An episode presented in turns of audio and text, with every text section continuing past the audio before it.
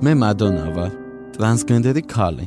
ეს კი ჩემი აუდიო დღიურებია, რომელშიც ჩემს ცხოვრებაზე მოგიყვებით.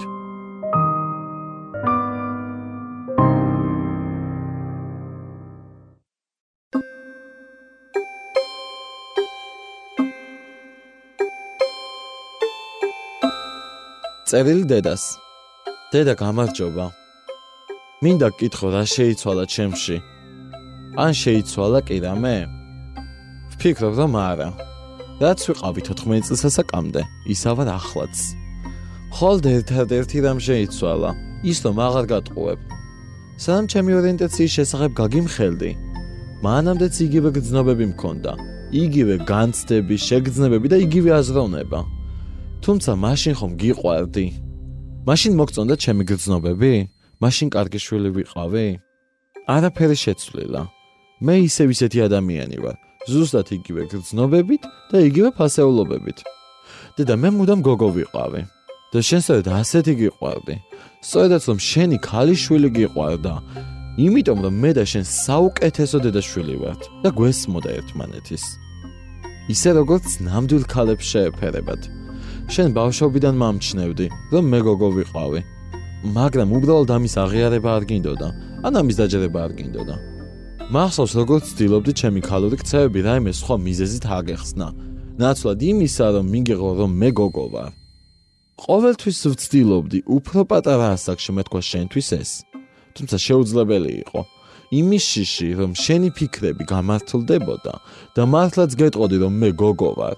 საუბრის საშუალებას აც მე და აც შენ უბრალოდ არ გვაცლებდა. მე მესმის შენი. მე გიცნობ შენ. მე ხომ შენი სხეულის ნაწილი ვარ. როგორ შეიძლება არ მესმოდეს შენი? როგორც შვილს და როგორც ქალს, როგორც დას და როგორც მომავალ დედას. მესმის და მზად ვარ იქამდე დაგელოდო თბილი გულით.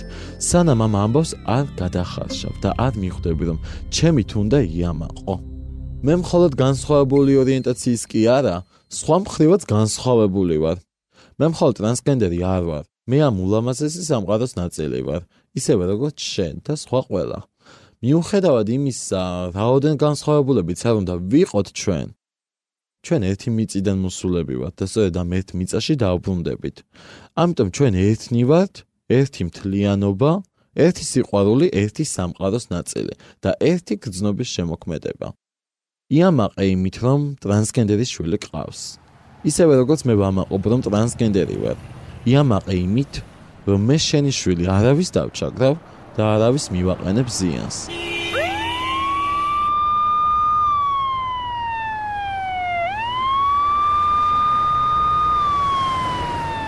ერთი წელსაც არ ვიყავი სამომყოფოში რომ მოხვდი და დიდხანს გრძელდებოდა ჩემი მკურნალობა.